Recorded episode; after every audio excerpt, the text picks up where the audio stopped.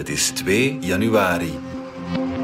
Dit is vandaag de dagelijkse podcast van de Standaard. Ik ben Alexander Lippenveld. Eerst en vooral een gelukkig nieuwjaar van ons hele team. En dan gaan we voor de eerste podcast van dit jaar niet vragen stellen aan onze collega's, maar aan jou en aan Wouter de Pre. Heb je vorig jaar goed opgelet of heb je onlangs de jaaroverzichten goed gevolgd? We kijken nog een keer in de achteruitkijkspiegel naar 2023 met deze quiz en meteen kan je testen of je beter hebt opgelet dan onze gast vandaag, Wouter de Pre.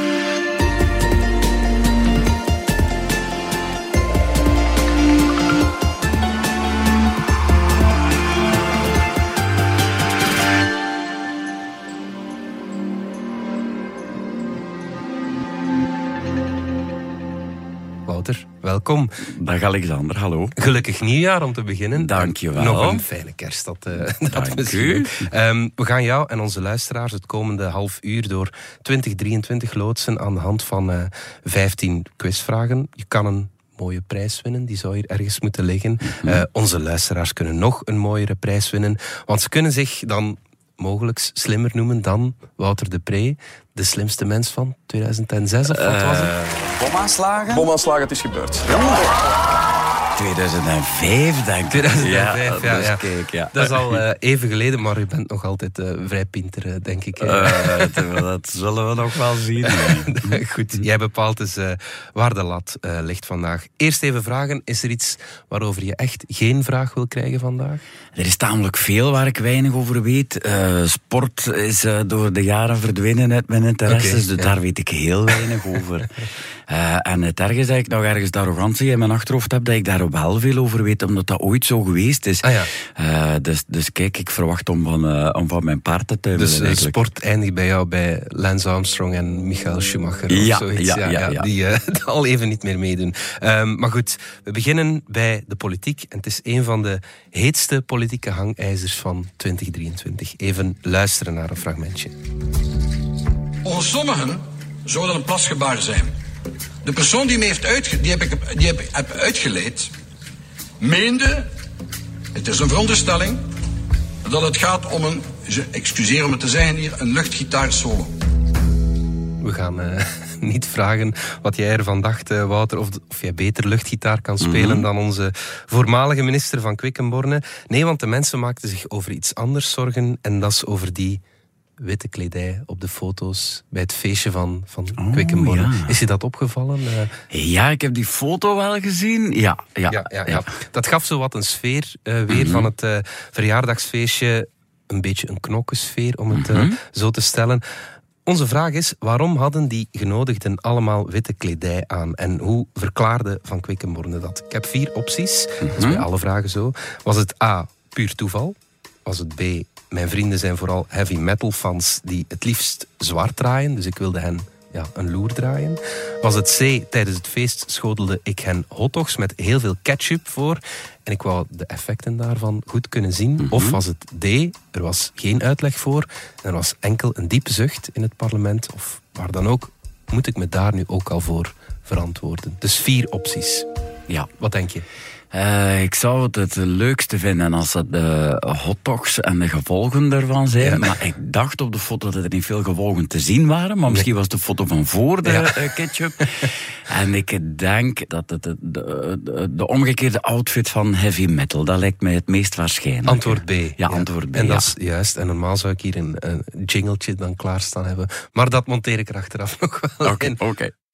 Goed, één op één, okay. Mooi. Goed begonnen. Ja. Uh, dus hopelijk een voorbode voor uh, de ja, rest uh, van je quiz.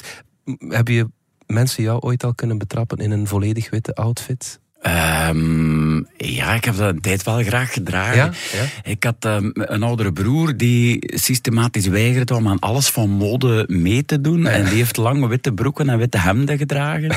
en die vond een jeans eigenlijk het meest flauwe dat je kon dragen, omdat je dan met de bende meedeed. En ik heb dat een eindje gevolgd en dan toch gecapituleerd. En ik voelde me heel goed in die jeans. Dat was een grote opluchting om die alleen wit te moeten dragen. Ja, en dan hopelijk niet te veel hotdogs uh, ja.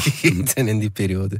Goed, we gaan naar vraag 2. We zoeken naar iemand die vorig jaar niet uit het nieuws was weg te slaan. Nu is omdat hij stopte met roken, daarna omdat hij een bakfiets zou kopen, omdat hij zijn haar liet kortknippen, omdat hij dan terugrookte en dan was er nog nieuws over papflessen en pampers. Vier opties opnieuw. Jean-Marie de Dekker, Tanja Deksters, Herman Brusselmans of Salah Abdeslam. Wie was het? Wow, het uh, is ongetwijfeld Herman Brusselmans. Dat is, ik uh... volg het met veel plezier. ik vind het geweldig om hem zo vertederd en ook ontredderd te, te zien. Heerlijk, vertederd ja. en ontredderd. Is herkenbaar als je een jong kind hebt. Ja, zeker. Ja.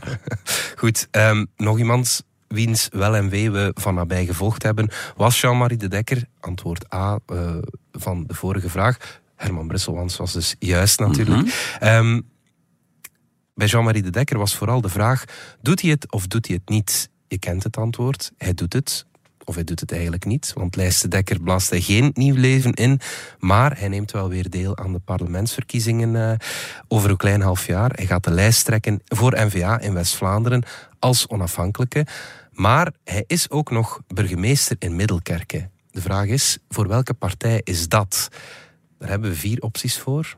NVA, mm -hmm. Open VLD, mm -hmm. daar heeft hij ook al een relatie mee. Mm -hmm. De lijst van de burgemeester of lijst de Dekker.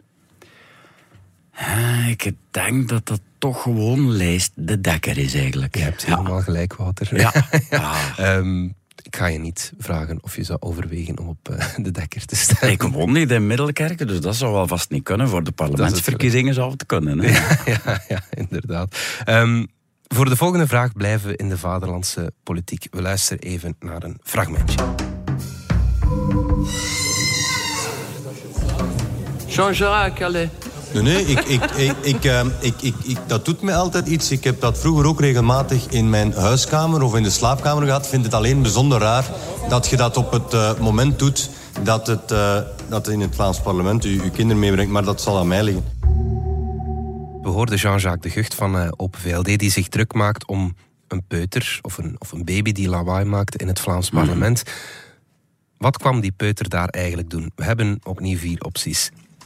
Optie A, dat was in het kader van de breng je kind mee naar je werkdag. En dat had een parlementslid van vooruit ook gedaan. Optie B, samen met klasgenootjes kreeg de jongen een rondleiding in het parlement. Sommige kleuterjuffen willen de kinderen al heel vroeg laten kennismaken met de democratie. Juichen we toe. Optie C. In die tijd kwamen er geregeld ouders met jonge kinderen naar de tribunes van het Vlaams parlement om aandacht te vragen voor de tekorten in de kinderopvang. Of antwoord D. Het was een grapje van Jean-Jacques de Gucht. Het geluid was niet het geluid van een peuter, maar wel een, van een ringtone van iemand van CD&V. Wat denk je? Was het maar een grapje, want ik denk dat zij er zich lelijk aan verbrand heeft. Ja, het was ja. een heel antipathieke reactie. Het mooiste zou het zijn als kinderen al van op peuterleeftijd met de democratie te maken krijgen. Uh, het was misschien een goed idee geweest als het een ringtone van het CD&V was geweest om zich als gezinspartij opnieuw te profileren. Ja, ja, ja. Uh, maar het waren, als ik het mij goed herinner, de ouders die aandacht vroegen. Heel terecht voor de tekorten in de kinderopvang. Ja, ja. Ja, ja, ja, heel terecht. Het is inderdaad uh, juist. Heb je daar affiniteit mee met uh, dat onderwerp, met die kinderen? Oh, ik heb dat altijd, als we onze kinderen naar de crash brachten, heb ik, heb ik altijd gedacht van dit is zo'n zwaar beroep mm -hmm. om, te, om te doen. En uh, onze tweede vond dat ook heel moeilijk om te gaan, omdat het, omdat ja. het zo luid was. Uh, ja. Omdat er, ja, denk ik, ook te veel kinderen per kinderverzorgster waren. Ja, ja, ja. Ehm, ja, die vond het allemaal heel, heel overweldigend. En ik denk dat het voor de kinderverzorgsters en verzorgers ook echt zo is. Mijn tante ja. heeft lang zelfstandig kinderopvang gedaan. Mm -hmm. En ik ging daar op de middag als jonge, als jonge kerel vaak eten. En ja. ik vond het ook heel overweldigend. Ja, dat mij een, een, ontzettend zwaar beroep. Zou je het kunnen? Acht nee, kinderen tegelijk? Nee, jongen. Nee, nee, absoluut niet. Echt waar. Ik heb iedere keer als ik in mijn beroep een beetje zelfmedelijden heb voor het een of het ander dat een beetje tegenzit, is dat een van de beroepen waar ik aan denk en waar ik ongelooflijke bewondering voor heb. Echt waar. Ja, ja, ja. ik uh, absoluut ook. Uh, Vier op vier. Ja, ja. wauw. Ja. vier op vier al, Wouter. Het gaat, uh, het gaat heel goed. Um, we gaan naar een volgend uh, fragmentje. I mean, anytime you're up in the public eye. It's scary. I, mean, I used to get scared giving an oral book report in school. So, I mean, it's daunting, but I look forward to it. You know what I mean? Because I have nothing to hide. I'm the only one that has been telling the truth. Heb je ze herkend? Nee, ik heb haar niet herkend. Oké, dat eh siert jou, eh, want het is een pornoactrice. Ah, oké. Ja. Stormy Daniels. Stormy Daniels, Ja, ja, ja. die kennen we eh, van de hele saga met Donald Trump. Ze zou zwijggeld hebben gekregen van Trump om niets over hun relatie te vertellen. Dat zwijggeld kwam dan weer uit campagnefondsen. Dat is ook niet de bedoeling natuurlijk. Je hoorde dat Stormy Daniels niet bang was van een proces en een ontmoeting met Trump. Hoe verwoorden ze dat nu? Optie A. Ik krijg nu al doodsbedreigingen. Veel erger dan dat kan het niet. Antwoord B. Ik hoop hem te ontmoeten, want hij moet me nog geld van de laatste keer dat we elkaar van dichtbij zagen. C. Ik heb hem al naakt gezien. Veel angstaanjagender kan het dus niet worden. Of D. Ik ga zelf niet aanwezig kunnen zijn, want mijn agenda zit sinds kort werkelijk overvol. Ah, ik vrees dat het een saai antwoord zal zijn, zoals, zoals het laatste. Maar ik ga voor de beste one-liner. En die was voor mij, ik heb hem al naakt gezien, dus veel angstaanjagender kan het niet worden. Ik hoop van harte dat het die uitspraak was. En het is ook juist. Ah, ja. fantastisch. Ah, mooi, mooi. ja, mooi. ja, ja, een saai proces zal het niet worden, Ja, denk ik. ja, oh, Met nee, eh, heerlijk, Donald ja. Trump en die eh pornoactrice. We zien wel of hij eh, veroordeeld wordt. Eh, maar goed, ehm, vijf op vijf. Het gaat nog altijd heel goed. Oh, ik ben Eh, heel gelukkig. ja. maar tijd om het niveau van deze quiz wat eh, op te trekken. Ik We gaan vreesde het al, ja. Je bent wel bij de standaard, hè, Wouter? ja, dat is waar, dat is waar. We gaan het hebben over de nobele schilderkunst. En meer bepaald over een mooi werk van Vincent van Gogh. Dat hangt in het Van Gogh Museum. Er is iets bijzonder met het werk Rode Kolen en Uien, zo bleek dit jaar. Maar wat? Vier antwoorden opnieuw. A. Onderzoek leerde dat onder kolen en uien een veel interessanter werk zit. Waarschijnlijk niet eens een Van Gogh, maar van zijn vriend Gauguin. Er worden nu al verhandelingen geschreven over waarom Van Gogh dat werk heeft overschilderd. Optie B. Het blijkt helemaal niet van Van Gogh te zijn, maar van een imitator die onbekend is. Optie C. Toen een eh, chef-kok langskwam en met zijn kennersblik naar de uien keek, merkte hij dat het geen uien waren, maar knoflook. En sindsdien heet het doek ook rode kolen en knoflook. Of D, een klimaatactivist wou zich vastkleven aan het schilderij, maar hij mispakte zich en kleefde zich vast aan een suppost, aan iemand die, eh, aan een opzichter. Wat denk je dat het was? Hij kleedt zich vast aan een suppost. Ja. Is eh, optie D. Ik, ik heb het volledig gemist, Mhm. dit eh, bericht. Ehm, het dramatisch meest interessante vind ik. Dus ik ga daarvoor kiezen. Als hij eh, Gauguin ehm, overschilderd zou hebben. Ja. eh, en misschien kan het die zijn, omdat er al eh, toch een gedetailleerd, gedetailleerd extra leugentje bij zat over de verhandelingen. Ja. Ehm, ik vind vastgekleefd aan de suppost ook wel mooi, omdat dat Ja. een mooie morele discussie over, over de klimaatactivisten zou. Kan mij ook voorstellen, als je, als je uitglijdt of een klimaatactivist probeert, eh, of de suppost probeert je tegen te houden, die lijm werkt echt razendsnel, Ja, denk ik. ja. Wat start een mooie discussie, of dat je dan, ja, anders is het gewoon aan de lijst, hè, dat ze zich ja, veronderstel ik. Maar ja, dan, dan brengt het ook menselijk lijden met zich mee voor iemand anders. Het zou wel mooi zijn. Ehm. Dat zou ook mooi zijn. Dat is ook een mooi moreel dilemma, maar ik ga voor La Petite Histoire en ehm, de vriendschap tussen Gauguin en Van Gogh, die misschien eh, bedreigd is door het overschilderen. Nee, het is helaas eh, Ah. fout. Het is de chef-kok die langskwam en zag, dit is knoflook. Oké, Ja, ja. ja. je moet het maar eens opzoeken. Ik snap echt niet hoe ze ooit dachten dat het uien waren. Nee, oké. ja, en dus Ja. eh, het is wel duidelijk knoflook. Het is eh, heel duidelijk knoflook Ja, ja, ja. met die, met, is zelfs al wat uitgeschoten en al. Ja, Ik zou hem niet per se meer gebruiken, maar goed. Dat verhaal van die klimaatactivist was toch ook eh, Ja, mooi. Ja, ja, ja, ja, Heb je sympathie eh, voor die mensen? Of zou je het Oh, ik heb eh, sympathie doen? voor de bekommernis van waaruit ze doen. ehm, maar er, oh, ik vind de manier waarop niet, niet zo gelukkig gekozen. Nee. Ehm, en ik denk dat het misschien eerder een weerstand oproept dan het, dan het steun voor, voor de goede zaak Ja, met zich meebrengt.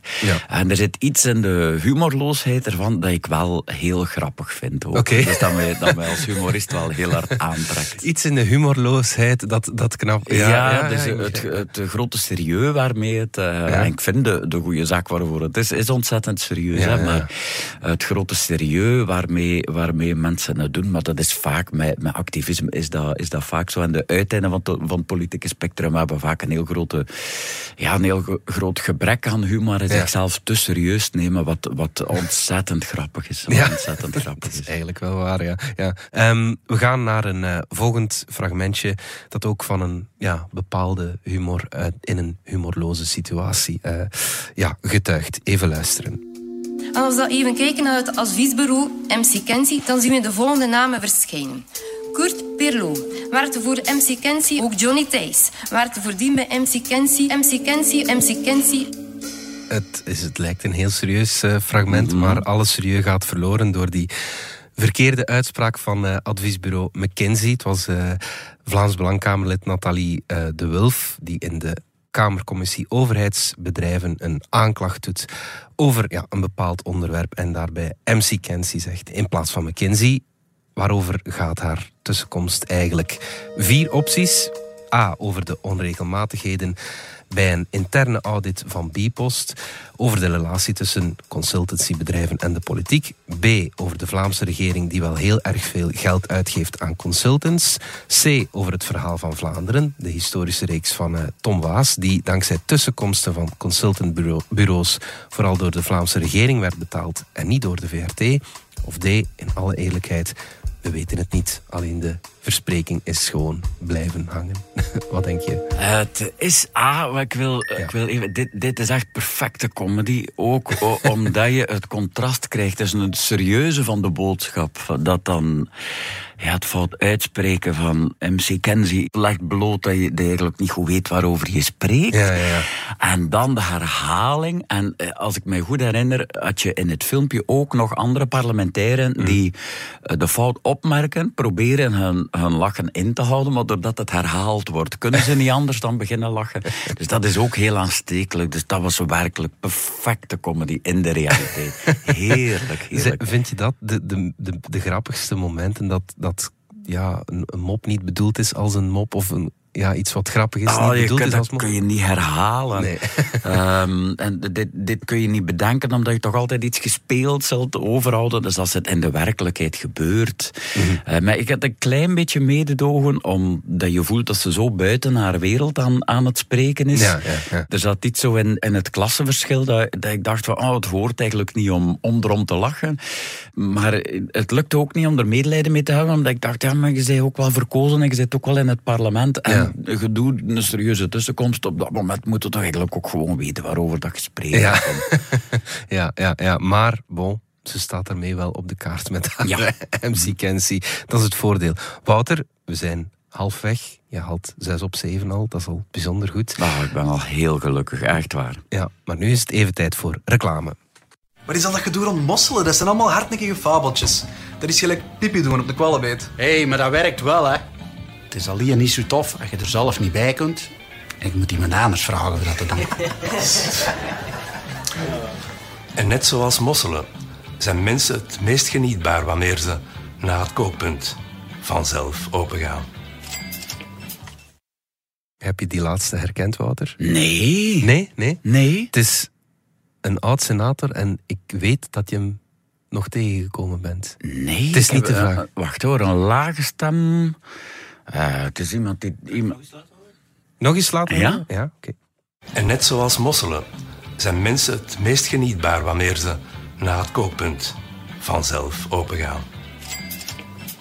Nee, nog, Nog altijd een- niet. Heeft een goede stem. eh, Ja. Professionele stem. Ja, professionele stem. Prof, je komt in de buurt, professor Rick Torfs is het. Eh, ja, Ja, die- stem, hoor. Ja, ja, Ja. ja, ja, ja, goed. Maar waarvoor maakte hij hier reclame? Want het is een reclamespotje. Hè? Vier opties. A. Het is eigenlijk niet eens zo moeilijk voor Zeefse mosselen. B. Voor de hulplijn Nu praat ik erover. C. Voor zijn nieuwe werkgever Doorbraak, die het woord geeft aan mensen die in de mainstream media weinig aan bod komen. Of D. Voor supermarktketen Albert Heijn.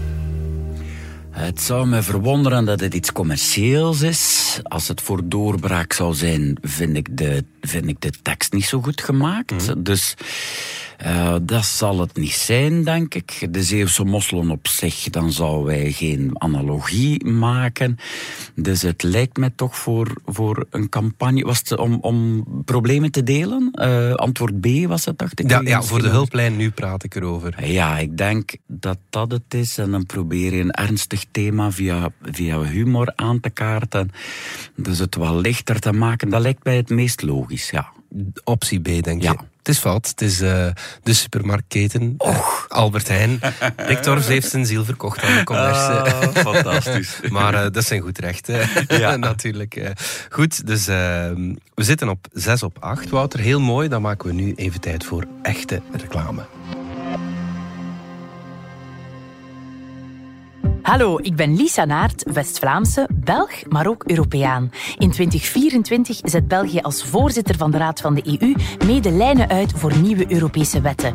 Een reden dus om te kijken achter de schermen van de Europese Commissie. De Europese Commissie.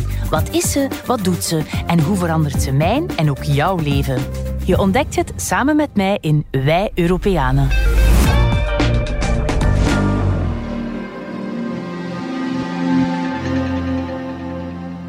Wouter, terug naar jou. Je hebt 6 op 8. Uh, eh, vraag 9 dan. Tijd voor terug wat kunst. Een beetje toch? Ik moet het nog even verwerken naar ik Torfse reclame maak voor Albert Heijn. ja, ja, ja. ja, bon, uh, waarom niet? Um, vraag 9. Tijd voor uh, wat kunst. Een beetje toch. Dit jaar uh, raakte bekend dat Mero stopt met zijn stripverhalen, de Kiekeboes. De reeks zelf verdwijnt niet, maar wordt doorgegeven aan een nieuwe tekenaar. Dat is uh, Cambrai, Charles Cambrai. Volgens uh, Mero ligt het succes van de reeks vooral bij de dochter van Marcel Kiekeboe. Dat is Fanny natuurlijk. Tegelijkertijd is Fanny ook de oorzaak dat een Engelse reeks rond de Kiekeboes nooit van de grond kwam. Waarom? Daar zijn vier opties. A. Er bestaat al een succesvolle stripreeks in Engeland met een Fanny. B. Engeland en vooral Amerika zijn enkel in vrouwelijke stripfiguren geïnteresseerd als ze een ja, nauw aansluitend superheldenpakje dragen. C. Kijk eens in het woordenboek naar wat Fanny betekent in het Engels. Of D. We moeten daar eerlijk in zijn. De Britten hebben gewoon ja, een ander gevoel voor humor dan Mero. Wat denk je? Ja, het is drie. Hè. Fanny heeft uh, vulgaire betekenis in het Engels. uh, en ik moet zeggen, ik was helemaal gek van de, van de reeks van Kiekeboe. Mm En echt niet alleen voor de humor, maar bij mij was dat in mijn jonge jaren absoluut ook voor, uh, voor Fanny. Ja. Enorm opwindend. Ja, ja, ja. En ik denk dat dat voor, voor veel mensen ook... De zin C zou het niet eens zo raar zijn als, als ze de naam Fanny zou krijgen. Ja, ja, ja. ja dat mag een doorbraak niet verhinderen. ik heb uh, Mero geïnterviewd bij zijn afscheid en hij zei: Fanny is een van de eerste erotische ervaringen voor vele uh, jongens uh, of zoiets. Ja, dat Was dat, wel, is dat herkenbaar? Ja, zeker wel. En ook het contrast tussen hoe, ja, hoe hoe preuts of hoe gewoon of hoe Vlaams de reeks uh, toen, toen nog was. Ik spreek over uh, als ik eh, twaalf jaar was. Hè. Mm um, dus midden de jaren tachtig. Dus ja, alles wat een beetje op het was, zat, zat bij Fanny geparkeerd. Ja. Dus waarschijnlijk ook het contrast met, met de andere personages. Ja, ja, ja heerlijk, heerlijk. Inderdaad. Ik was ook uh, grote fan van Mero. En nog steeds natuurlijk. goed, dat is weer een streepje bij. 7 op 9. Voor vraag 10 gaan we naar het uh, buitenland, het verre Nederland. Even luisteren. Dit is waar jullie voor kunnen stemmen. En nee, ik kan jullie niet beloven dat wij morgen alle problemen en crisis hebben opgelost. Maar ik kan jullie wel beloven dat wij elke dag zullen strijden. Voor jullie en voor een BB Beter Nederland. Wie de verkiezingen in november won, dat is iets te gemakkelijk. Dat was eh, Geert Wilders natuurlijk. Maar in maart waren er ook al verkiezingen in Nederland. De provinciale statenverkiezingen. En daar won Caroline van der Plas, die we net hoorden met haar BBB. Waarvoor staat BBB in deze context? Buikbenen, billen, dat is fout, dat geef ik al mee. Is het A, boer-burgerbeweging? B, boeren, burgers en buitenmensen? C. Beter bestuur voor boeren. Of D. De Boerenbond van Burgers. Het is de boer-burgerbeweging. Mhm. En eh, boer is wel eh, heel belangrijk in die naam. Want ik was toen eens naar het verkiezingsprogramma gaan kijken. Dat stond online. En bij onderwijs bijvoorbeeld stond er dat er een, ik weet niet meer letterlijk of het een kliklijn was, maar leraars moesten kunnen worden aangesproken als ze foute informatie gaven of ideologisch gekleurde informatie. Ja, ja.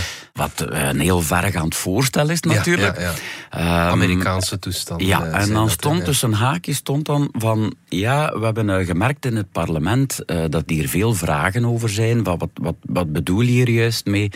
Omdat dat wel heel verregaand is en eh, waar leraars dan allemaal op kunnen worden aangesproken en hoe ze hun job zouden kunnen verliezen.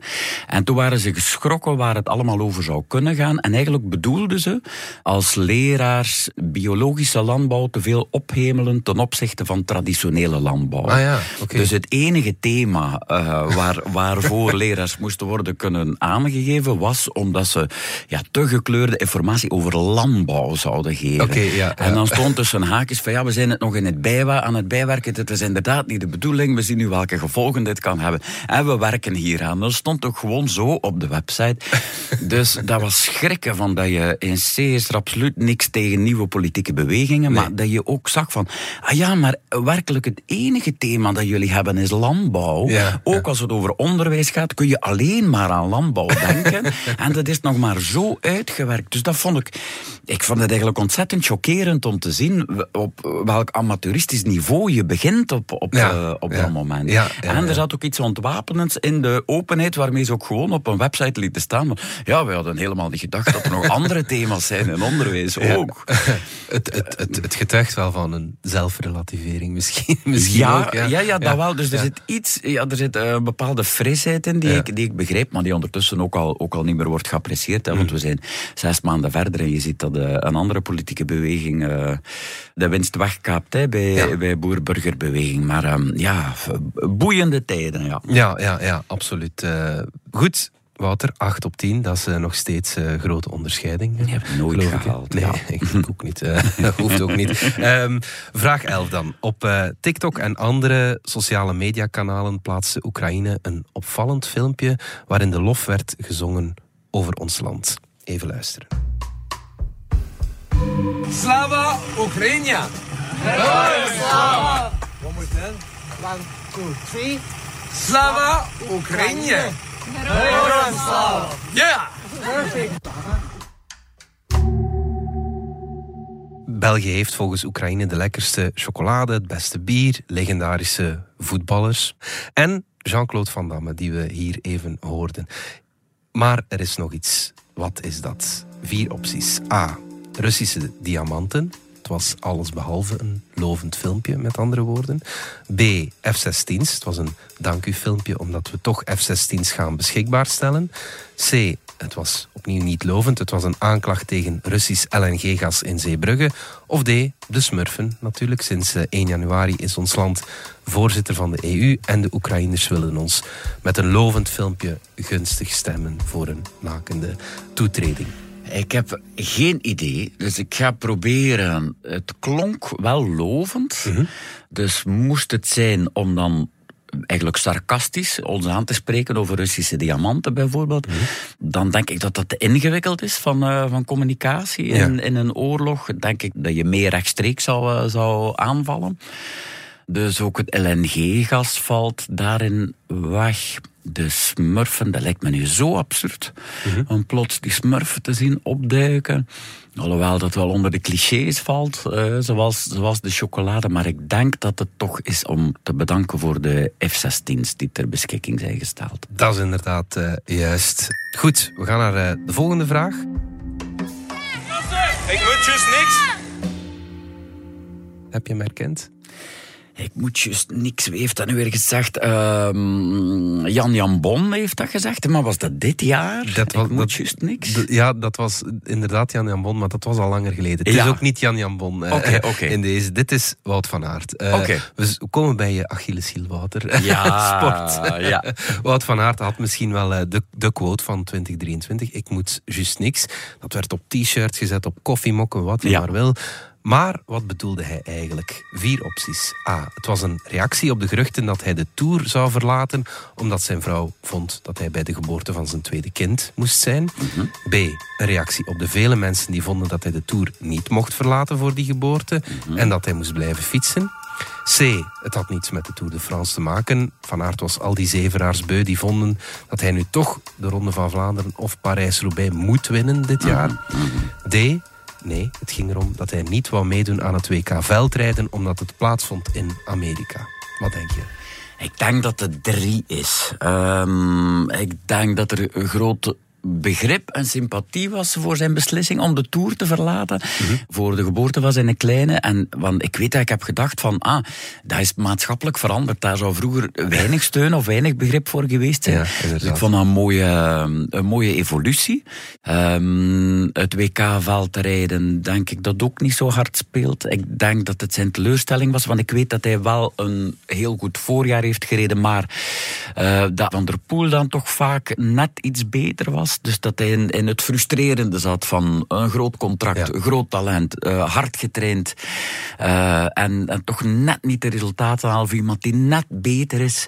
Eh, en ik denk dat vanuit die frustratie, die, eh, ik moet juist niks eh, gekomen is. C, inderdaad, eh, dat eh, klopt helemaal. Want zoals je zegt, Van Aert had toch, eh, heeft toch al een palmares bij elkaar eh, Ja. gereden. Maar die twee klassiekers eh, niet. Denk je dat zijn carrière geslaagd is of niet als hij die niet zou winnen in zijn carrière? Ja, heeft inderdaad niks, eh, niks te bewijzen. Maar ik denk dat het verschrikkelijk moeilijk is als je al zo'n palmares hebt. En als je voelt dat er, ja, dat er een plafond is of dat er iemand toch net beter is. Het moet ongelooflijk frustrerend zijn. Ja, ja, ja. Ehm, het mooiste voorbeeld daarvan is eh, Roger de Vlaming, die, die een ontzettend goede wielrenner was. En die toch enorm vaak merks Ja. nog op zijn pad vond. En dat is iets waar ik regelmatig aan denk. Als je zo ontzettend goed en getalenteerd bent en zo voor je vak hebt geleefd, normaal gezien ben je dan de volledige top. En kom je maar later, krijg je maar later met verval te maken. En eh, als dat al tijdens je carrière gebeurt, als je op je toppen bent, ja, ik vind dat heel boeiend om, om, Ja. om, om te denken wat dat met je karakter doet en of dat iets eh, waardevol kan opleveren. Maar je ziet bij Roger de Vlaming net dat hij al zijn hele leven blijft hij diezelfde strijd hebben en dezelfde, dezelfde problemen met verval hebben. Dus dat vind ik ook heel fascinerend. Soms denk ik, Roger, kom, eh, je hebt ook veel gewonnen. Ja, Wees ja, niet tevreden. Oké, goed. Naar de volgende vraag. We blijven nog even bij Jumbo-Visma. Daar rijdt Van Aert eh, voor, dat weet je wel. Eh, volgend jaar heet dat team Visma Lease a Bike. Ze gaan hun fietsen leasen, blijkbaar. Ehm, het team overheerste de koers dit jaar. Ze wonnen de drie grote rondes natuurlijk. Wat Jumbo is, dat weet elke winkel in de Belg. Dat is een supermarkt. Maar wat doet Visma, dat andere bedrijf? Vier opties. A. Het is een Noorse softwaregroep die voornamelijk ja, software aanbiedt aan bedrijven. B. Visma is, hoe kan het ook anders, een producent van diepvriesvis. C. Visma is een bouwonderneming en inderdaad voornamelijk in Scandinavië actief. Of D. Visma is de achternaam van de echtgenote van de oprichter van Jumbo, Jan Meurs. En hij gaf zijn wielerteam haar naam omdat hij haar ja, zo graag ziet. Vier opties. Ah, het vierde zou zeer ontroerend zijn. Eh, ik weet niet of het al kan in de, wieler, in de wielerwereld, zoiets. Eh, softwarebedrijf, kan ik niet inschatten of je daarmee dan een groot publiek bereikt. Wat dat denk ik de bedoeling van, van sponsoring is. Dus of dat eh, een groot effect zou hebben. Visma vind- zou wel heel tof zijn als het een oud moedertje is dat vis verkoopt, of uh, diepvriesvis. Maar ik denk dat het, eh, het saaiste is het bouwbedrijf, denk ik. Nee, het is, eh, het is fout. Het is de softwaregroep. Ah, oké. Maar Ja. inderdaad, ik denk ook niet dat je daar, eh, zoals bij Quickstep, iedereen die laminaat legt. Ja, ja, ja. die legt Quickstep. Misschien werkt dat iets minder goed. Visma is dus een Noorse softwaregroep. Mhm. antwoord A. Oké, goed. We zitten aan eh 10 op 13, Wouter. Nog altijd heel erg goed. Voor de volgende vraag vliegen we nog even de grote plas over. You say I'm ancient. I say I'm wise. You say I'm over the hill. Don Lemon would say that's a man in his prime. Het is natuurlijk Joe Biden die eh, zei, ja, dat hij altijd oud wordt genoemd door eh, Jan en Alleman. Sleepy Joe. Sleepy ja. Joe, inderdaad. We zijn eh, niet altijd even vriendelijk voor onze eh, senioren natuurlijk. Maar als Joe Biden straks verkozen wordt in november, dan wordt hij president in 2025. En als hij het vier jaar volhoudt, dan zwaait hij af in 2029. De vraag is, hoe oud zal president Biden dan zijn? A. 71 jaar. B. 76. C. 81. Of D. 86. Hij is dan... eh, eh, dus in 2029, ja. hè? Ik dacht dat hij nu al 80 was. Dan is hij ja, 86 in 29. Ja, ja. helemaal waar. Ja, Ja. ja. Zou jij op zo'n oude man stemmen, Wouter? Nee, ik vind het een vreemde evolutie. We worden natuurlijk wel een stuk ouder, maar ik vind het een hele vreemde evolutie. Als Trump zijn tegenkandidaat wordt, ja, zoveel jonger is die, is die niet. Ik vind het een hele, hele vreemde evolutie eigenlijk. Ja, ja, ja, ja. Ik ben ook blij dat meestal veertigers als eh, premier hebben, die zijn toch nog fris bij, bij Ja, en zo. Ja. Ja, ja, ja. Goed, ehm 11 op 14. We gaan naar de laatste vraag en eh, we eindigen met een mopje. Een grap van Paul Magnet, de Waalse PS-politicus natuurlijk, die vertelde in het veelgelezen blad Dag Allemaal een grap. En die grap gaat zo. Een Vlaming passeert een visser langs een Waals riviertje. En hij vraagt, waarom koop je geen grote boot met veel lijnen aan die Waal, zodat je, zoals ik, meer verdient en sneller kan stoppen met werken? En de Waal zegt, wat ga je dan doen? Wat antwoordt de Vlaming dan? Vier opties. A. Dan ga ik vissen zoals jij. B. De vissen verkopen aan luie walen die geen zin hebben om te vissen. C. De vissen verkopen en met de opbrengst nog betere hengels kopen. Of D. Naar hier verhuizen en luieren zoals jullie allemaal. Ehm, de beste pointe en ook licht filosofisch is A. Dus sowieso ga ik daar principieel voor kiezen. Het andere is gewoon allemaal niet zo grappig. Het is een rare sneer als het, eh, als het D zou zijn. Dan ga ik naar hier verhuizen en luieren zoals jullie. Is te, is te expliciet, denk ik. Ja, misschien te verdelend voor een politicus om te, om te vertellen. Ik ga voor A. Dan Ja. ga ik vissen zoals jij. Ja, ja. Het is helemaal waar. Magnet eh, vertelde die mop dus om te laten zien dat je het geluk niet altijd moet uitstellen. En het kan geen kwaad om hier en nu te genieten. Ja. Hij heeft wel een punt. Ja, ja. Ach, ja. Ook al is dat economisch misschien niet het allerbeste. Ja, hij creëert een eh, kunstmatige tegenstelling die niet zoveel beter is dan de kunstmatige tegenstelling die aan deze kant van de taalgrens wordt, eh, eh, wordt gemaakt. Maar het is ook maar een grapje, hè, dus laten we ons maar niet te diep, niet te diep op ingaan. Ik vind het wel een mooi filosofisch verhaaltje Ja. op zich. Van, ik vond het ook eh, ja. gewoon leuk dat Dag Allemaal politiek nieuws eh, Ja, ja, maakte dit ja. jaar, eh, wat ze meestal niet doen. Goed, Wouter, het zit erop.